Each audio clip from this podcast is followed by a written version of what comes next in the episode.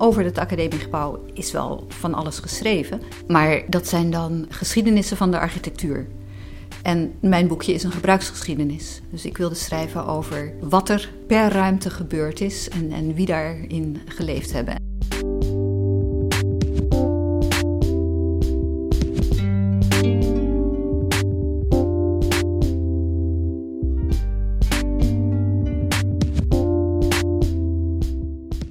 Universiteit is niet zonder haar studenten. In het nieuwe themaprogramma van de Universitaire Bibliotheken Leiden duiken we in het studentenleven. In deze eerste aflevering Dorrit van Dalen over de geschiedenis van ons academiegebouw.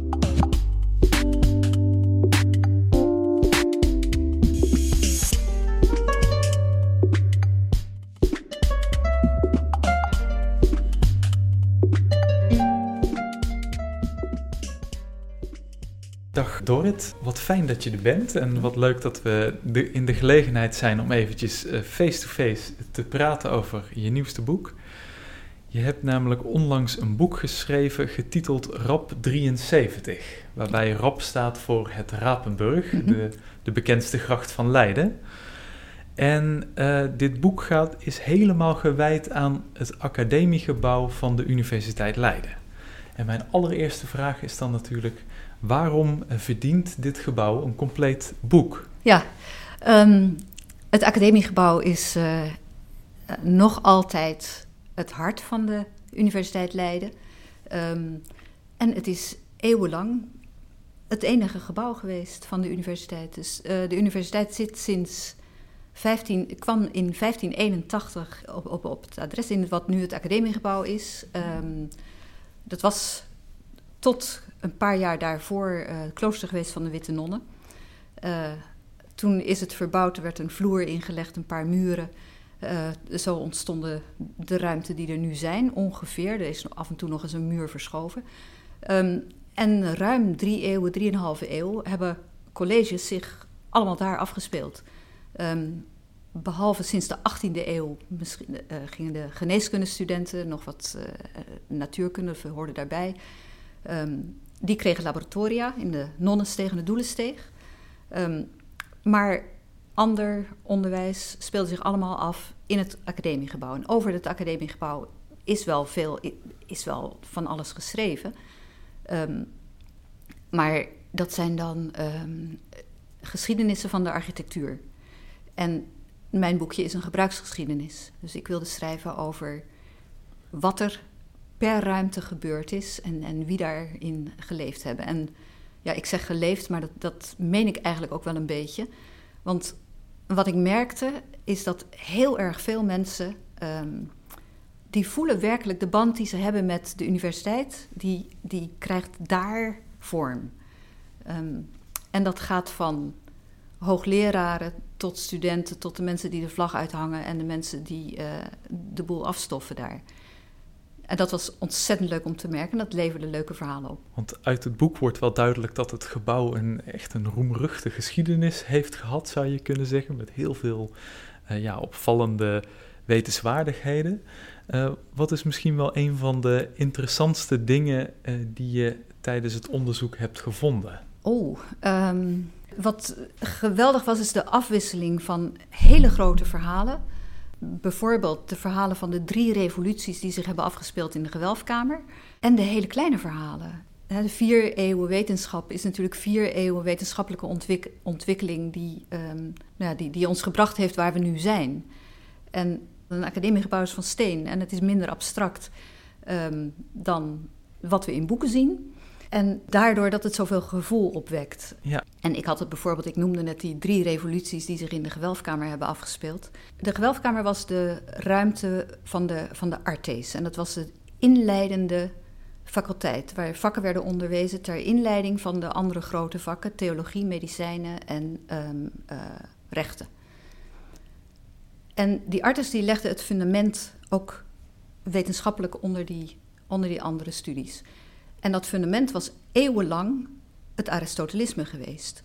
En, en dat werd in de loop van de 17e eeuw vervangen, zeg maar, door Cartesianisme. Nou, het Aristotelisme heeft een, is gebouwd op onwrikbare logica. En Cartesianisme gaat uit van twijfel en empirie. Eerst maar eens zien of het allemaal, uh, of het allemaal inderdaad zo gebeurt. Um, en voor de studenten in de gewelfkamer was er niks abstracts aan, want ze gingen over deze kwestie op de vuist. En dat kan je afleiden uit um, bijvoorbeeld dit boek. Dit zijn de notulen en resoluties van curatoren. Het handige voor ons is uh, dat de, de, curatoren die schreven hun notulen in het Nederlands. De senaat, de professoren, die schreven hun notulen in, in het Latijn. Uh, dus als je dingen bij de curatoren kan vinden, is dat altijd prettig. Dat gaat wat sneller. Um, en in, uh, op 18 december 1675 hebben die curatoren vergaderd over een zekere Johannes Zwartenhengst. En die was al drie jaar lang met immoderate ijver bezig om dat Cartesianisme erdoor te, ja, het, uh, aan de man te krijgen. En daar was hij enorm enthousiast over, net als zoveel mensen intussen. Um, maar hij wel heel erg. En curatoren die, uh, die vonden dat op zich wel best. Maar die vonden het ook belangrijk dat de, dat de andere kant, de oude kant, de traditie, het Aristotelisme nog onderwezen werd. Um, en wat ze niet zo fijn vonden, was dat die Johannes Zwartenhengst um, uh, dan ook nog eens, staat hier, de, de peripathetische filosofie, dus dat is die van Aristoteles, en de degene die, de, die dezelfde zouden mogen profiteren, met een nijdig opzet zodanig publieke beschimpt, veracht, bespot en de tentoongesteld zouden hebben, dat veel en de verscheidene disputatiën daardoor vruchteloos afgelopen en de eer en de faam van eerlijke luiden aangetast, de studenten tot veel insolentie en de dertelheden aangehitst zou hebben. Hij hitste dus de studenten enorm op dus precies 100 uh, jaar na de stichting van de universiteit zitten we nu, hè, in 1675. Ja. Heb je eigenlijk uh, daar in die gewelfkamer in het academiegebouw discussies die bijna uitlopen op uh, moddergooien, zal ik maar zeggen? Vrijwel, vrijwel. Um, dus die, die, die exorbitante stoutigheid en die, die dartelheid, dat, die dartelheid, dat betekende dat er werd gescholden en gefloten en gestampt. En um, vast en zeker met proppen gegooid. Misschien met modder, weet ik niet. En dan moet je je ook realiseren, studenten waren heel jong. En dit waren de, zeg maar de eerstejaarsstudenten. Uh, een hele jonge Hugo de Groot, die was elf. Nou, zo jong waren de meesten niet, maar ze waren echt jong. Um, en ja, als je dat leest, dan, um, dan realiseer je je dat wat wij anders in leerboeken lezen als een, als een abstracte clash of cultures, dat dat in de gewelfkamer lawaai heeft gemaakt. Het is toch alsof je, alsof je met een, een klas vol pubers eigenlijk uh, over uh, Descartes en uh, Kant aan het discussiëren bent. Ja, zo, zeker. Um, hoogleraren deden natuurlijk ook wel mee. Um, de beledigingen waren zo enorm dat sommigen zeiden: Nou, dit, is, dit, dit verdraag ik niet meer, ik hou ermee op. Het was een soort was een soort Facebook-taal. Maar het ging er stevig aan toe. Ja, en dat is dus ook waar we het uh, vandaag nog meer over zullen hebben. Het huidige themaprogramma van de Universitaire Bibliotheken Leiden is namelijk uh, studenten uh, in de geschiedenis van de Universiteit Leiden. En nou ja, wat je al zei, dat academiegebouw, dat was nog lang niet het ceremoniële bolwerk van de universiteit dat het nu is. En kun je eens een beeld geven van uh, ja, hoe het daar nog meer aan toe ging? Studenten uh, kwamen daar samen. Het waren er uh, heel lang, moet je denken, aan tientallen. Hè? En die kwamen ten eerste naar het academiegebouw toe om op de deurpost te, de, te vinden wat hun collegerooster was. Dat werd uh, elk half jaar werd dat aan de deurposten ge, gespijkerd. Uh, ad valvas is dat in het Latijn. Uh, ad valvas werden ook um, lezingen en uh, promoties werden aangekondigd. Um, en hier is um, zo'n series lectionum. Die zijn, dit is er eentje uit de 18e eeuw. In de 17e eeuw waren ze er ook. En dat is heel grappig om te zien, want dan, ja, dat past op één A4'tje. en dan zie je precies op welk uur, op welke dag, welk, uh, welk onderwerp werd onderwezen. Um, En ehm, de, trouwens, die series die werden tot, tot 1920 zo'n beetje uh, gedrukt. Maar intussen zijn het hele grote lappen papier. Ehm, en ja, dus dat was uh, ad valvas. En die deurposten, dat waren de posten van de deur die in het uh, traptorentje zat. Dus dat was tot 1828 de hoofdingang. Um, daaromheen was aanvankelijk was het natuurlijk gewoon modderen en, en liepen de kippen rond. Maar al snel, uh, al zo rond uh, bijna 16, nog voor 1600, is dat geplaveid. Want dat gaf natuurlijk uh, de universiteit meer aanzien en dat hield de modder van de schoenen van de hoogleraren af. Maar het was ook heel handig voor kaatsende jeugd. En dan moet je je voorstellen als je binnen college probeert te volgen, of nog moeilijker waarschijnlijk als je college probeert te geven en er wordt tegen de muren aangekaatst. Um, dus het werd de taak van de, van de pedel Isaac Elsevier in 1620 om die, om die kaatsende jeugd weg te houden. Dus de, de, de kaatsende jeugd was, uh, was bijna het, uh, was een van de grootste problemen waar de pedel zich mee bezig moest houden. Ja, dat was een enorme ergernis. Dat ze, en, en dat zie je dus ook allemaal terugkomen in die notulenboeken. Ja, ja precies. Ja. Want uh, sowieso viel het me op dat, dat, dat, je, dat je de rol van de pedel, dat dat een van de centrale thema's is ook in het boek. Hè?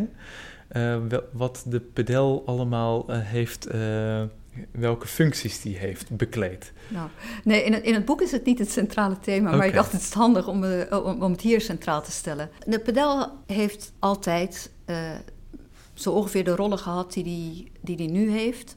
Enerzijds logistiek anderzijds decorum. Logistiek was alleen vroeger uh, bijvoorbeeld ook de kachel aanmaken, de, de, houtkachel aanmaken. En decorum was vroeger ook dat hij uh, in vol ornaat met de rector meeliep naar de kerk. Um, maar voor de rest had de pedel altijd, in ieder geval voor de, voor de hoogleraren en de rector, voor het rijlen en zeilen van van de academie die, die rollen. Maar de pedel was ontzettend uh, belangrijk voor studenten.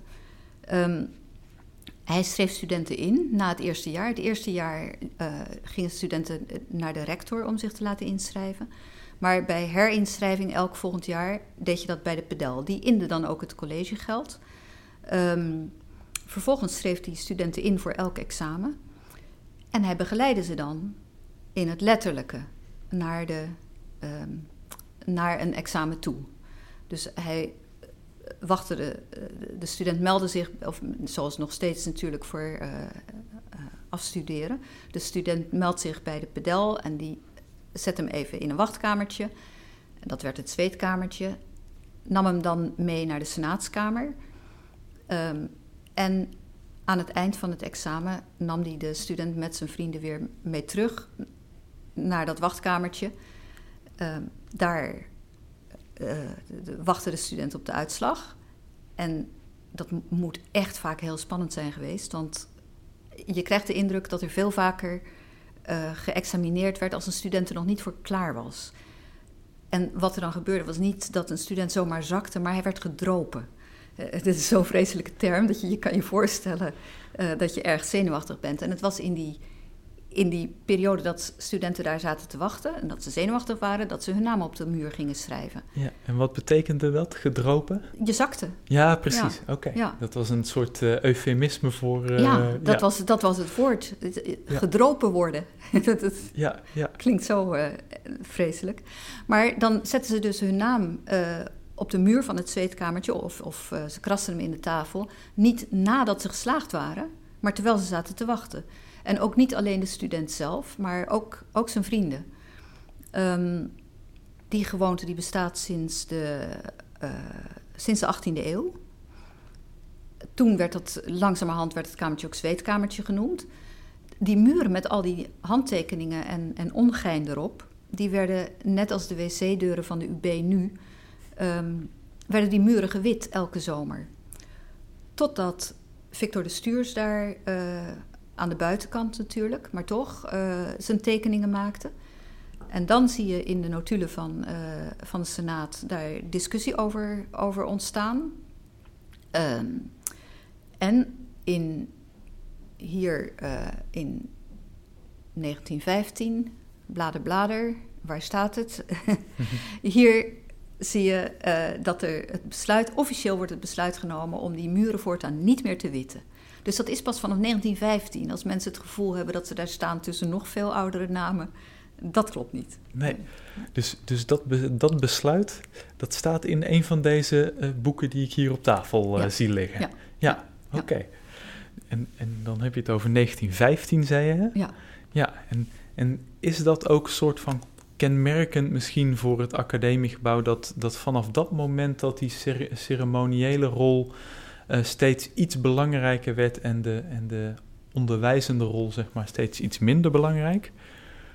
Ja, dat eigenlijk... Ja, ik had hem nog niet bedacht, maar... Um, ja, dat, eigenlijk ligt dat erg voor de hand. Want inderdaad, het is in die tijd natuurlijk dat er... Um, langzaam aan hoor, toch wel. Uh, um, meer colleges buiten het academiegebouw uh, gaan plaatsvinden. Ja, nee, het had natuurlijk ook te maken met het feit dat uh, toen echt besloten was om het academiegebouw te behouden. Omdat er in de, in de 18e en 19e eeuw was er al een paar keer gezegd: dit gebouw, dat, ja, wat is het? Het is eigenlijk een kerk. Wat moeten we ermee? Het is, het is, een, oud gebouw, het is niet modern. Laten we, laten we iets moois. Uh, laten iets. Dus er zijn een aantal prijsvragen uitgeschreven om uh, een, een mooi, nieuw, neoclassiek gebouw neer te zetten. En dat is het allemaal gelukkig niet geworden. Want anders was dit, was dit boek er misschien wel nooit gekomen nee, en had het, had het gebouw er niet ja, gestaan. Nee, oké. Okay. Ja, wat ik ook nog graag wilde mm -hmm. zeggen over die. Um, we hebben het hier over, over allemaal mooie archiefstukken en wat je je erbij kan voorstellen. Um, er, is één, er is één ding wat ik niet gevonden heb. Um, en dat is uh, het bellenbord van de pedel. Dus de pedel, als die studenten naar de Senaatskamer toebracht, dan moest hij natuurlijk, en later de faculteitskamers, dan moest hij ook weer weten wanneer een examen over was en wanneer hij de studenten weer moest ophalen. Nou, hoe wist hij dat? Er was geen elektriciteit. Um, er zat onder de tafels zat er een, een de, examen, de voorzitter van de examencommissie, die had onder de tafel een klepje.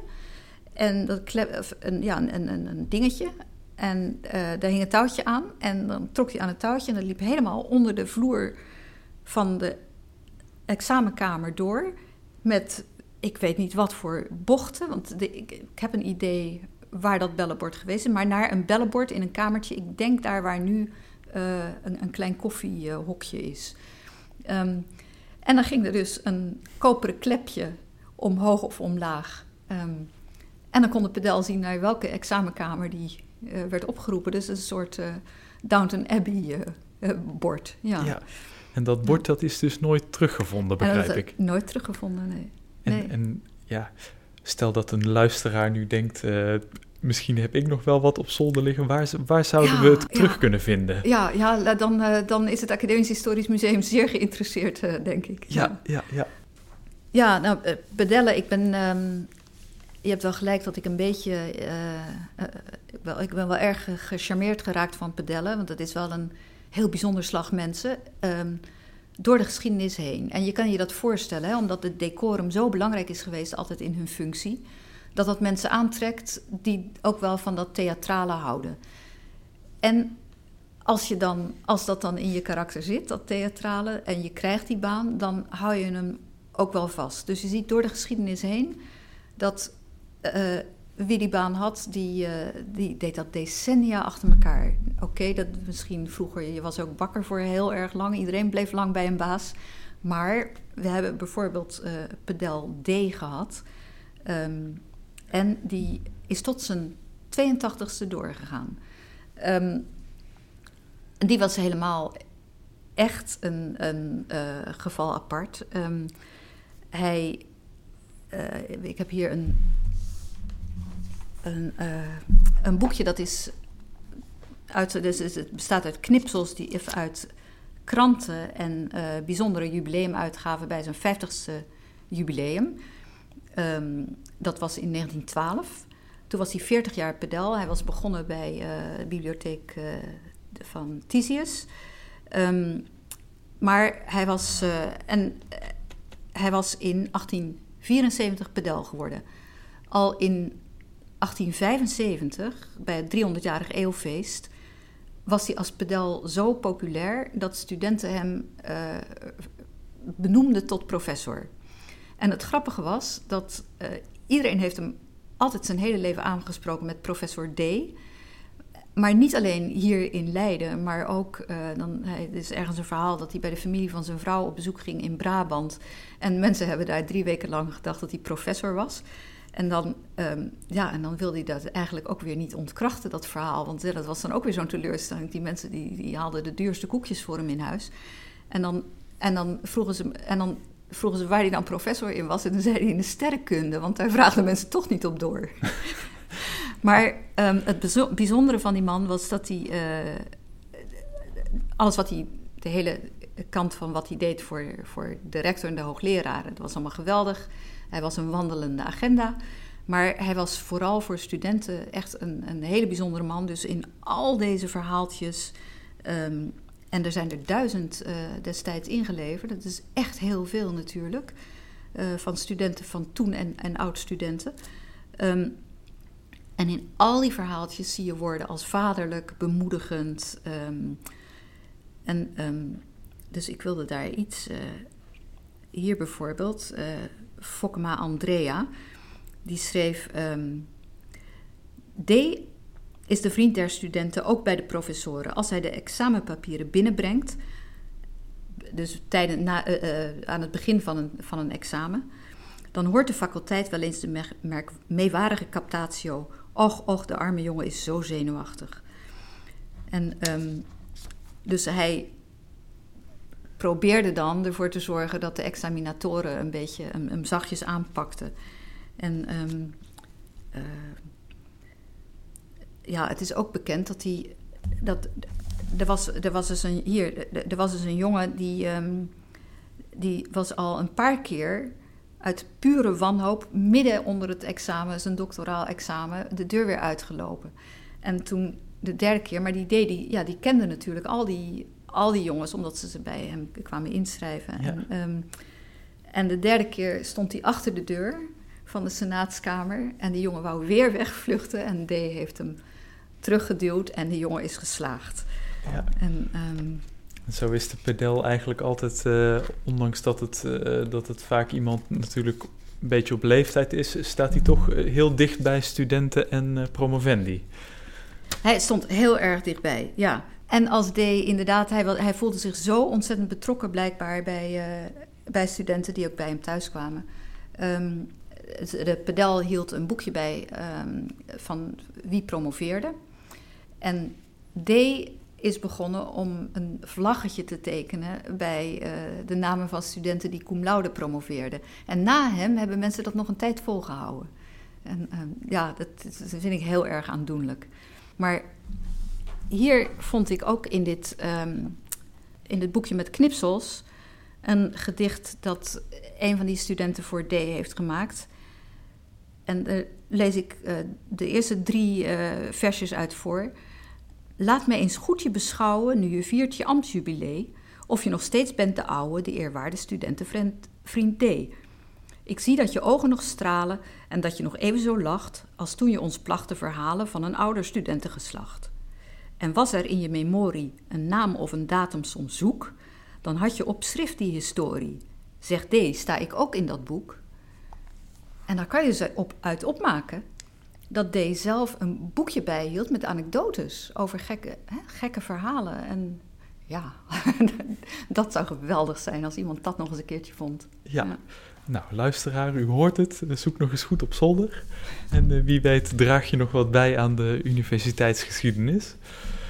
En ja, toch nog kort over je persoonlijke motivatie. Je moet wel een ontzettende liefde hebben, denk ik, voor de universiteit als je zoveel tijd in het archief doorbrengt om, om een boek te schrijven over het belangrijkste gebouw van onze universiteit. Nou, die heb ik vooral gekregen door het schrijven. als je schrijft, dan, dan betrek je jezelf natuurlijk ook nog meer. En eh, dat is wel een, uh, dat is wel een, een, een cadeautje. Als je, hè, je, dat je van onderzoek doen krijgt. En, en hoe, kun je, ja, hoe kun je dat eh, zien zeg maar, aan jezelf, dat die liefde nog iets groter is geworden? Ja, nee, dat zou ik, ik weet het niet wat je, nou, je bedoelt. Nou, misschien dat je, stel dat je nu bijvoorbeeld in het academiegebouw komt, dat dat, dat anders voelt dan uh, voor het schrijven van dit boek. Ja, nee, dat is, dat is absoluut waar. Ja. Nee, ja. dat is heel erg waar. Je voelt je en, en dat, dat, gaat zelfs een beetje nog uh, buiten het academiegebouw. Je krijgt het een beetje met, uh, met een heel deel van Leiden eromheen. Maar zeker in het academiegebouw. Je ziet natuurlijk meer dan, uh, dan je zag daarvoor, ja. En de lezer ziet ook weer wat meer hopelijk zodra ze het boek uit hebben. Hartstikke bedankt dan. Dankjewel.